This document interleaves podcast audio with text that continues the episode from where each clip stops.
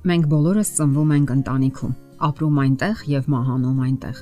Բոլոր մարդիկ ցանկանում են զգալ ընտանեկան հարկի ջերմությունն ու անդորը։ Նրանք ամեն ինչ անում են, որpիսի լինեն այդ փոքրիկ վայրի լիիրավ տերն ու պաշտպանը։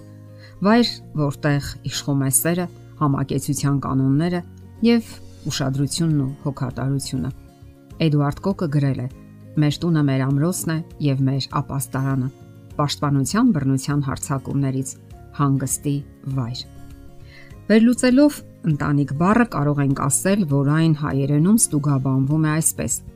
ընդ տանիք, որը նշանակում է ընդհանուր տանիքի տակ ապրող մարդկանց խումբ։ Եվ դա մարդկանց այն ընկերակցությունն է, ովքեր ապրում են ընդհանուր նպատակներով եւ ընդհանուր հետաքրքրություններով։ Սակայն որոշ մշակույթներում այն հաճախ ձևական արհեստական կառույցի է վերածվել սկսում են արժևորվել նյութական նկարտումները, վասկն ու նյութապաշտական մոլուցքը։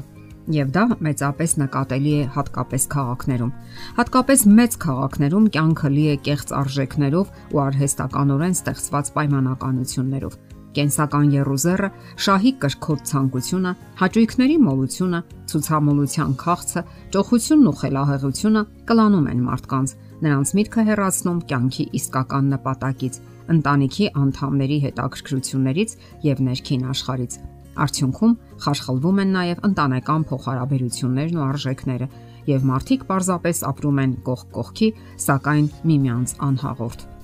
Նման դեպքերում շփումը վերածվում է ընդհանրապես միավանք բարերի փոխանակության։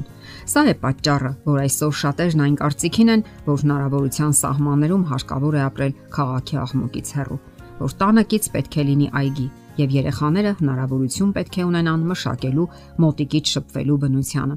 ինչը նրանց համար կլինի եւ զվարճանք եւ աշխատանքային դասյարակություն։ Բույսերի եւ կենթանիների հետ շփումը նրբացնում է մարդու ճաշակը, նպաստում նաեւ մտավոր զարգացմանը։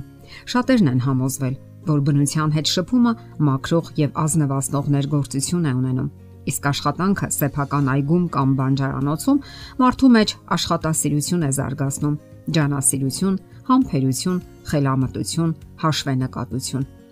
Մշտական շփումը կյանքի գաղտնիքների ու բնության հրաշքների հետ մաքրում ու վեհացնում է մարդու բնավորությունը։ Այդ ամենի արդյունքում մարդու մեջ դրական որակներ են զարգանում եւ նա հաճախ սկսում է պայքարել իր վատ հակումների դեմ այնպես, ինչպես պայքարում է մոլախոտերի դեմ։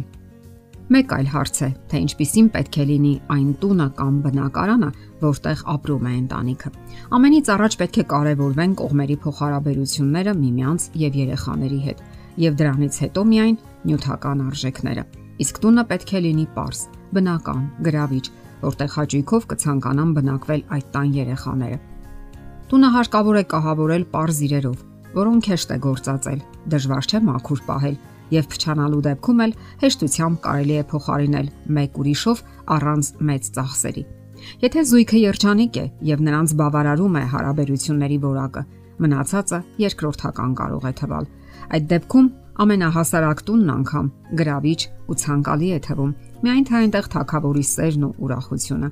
Հաճախ ամուսինները հոգնում եւ հիասթափվում են կյանքից այն པարս պատճառով, որ իրենց ծանրաբեռնում են ոչ անհրաժեշտ աշխատանքով, անկարևոր մտքերով եւ ոչ էական հոգսերով։ Նրանք փորձում են համապատասխանել աշխարհի պահանջներին, աշխարհի չափանիշներին եւ կրկոտ անհանգստությամբ մղվում են մարտի, զոհաբերելով իրենց առողջությունը, ուժերն ու միջոցները։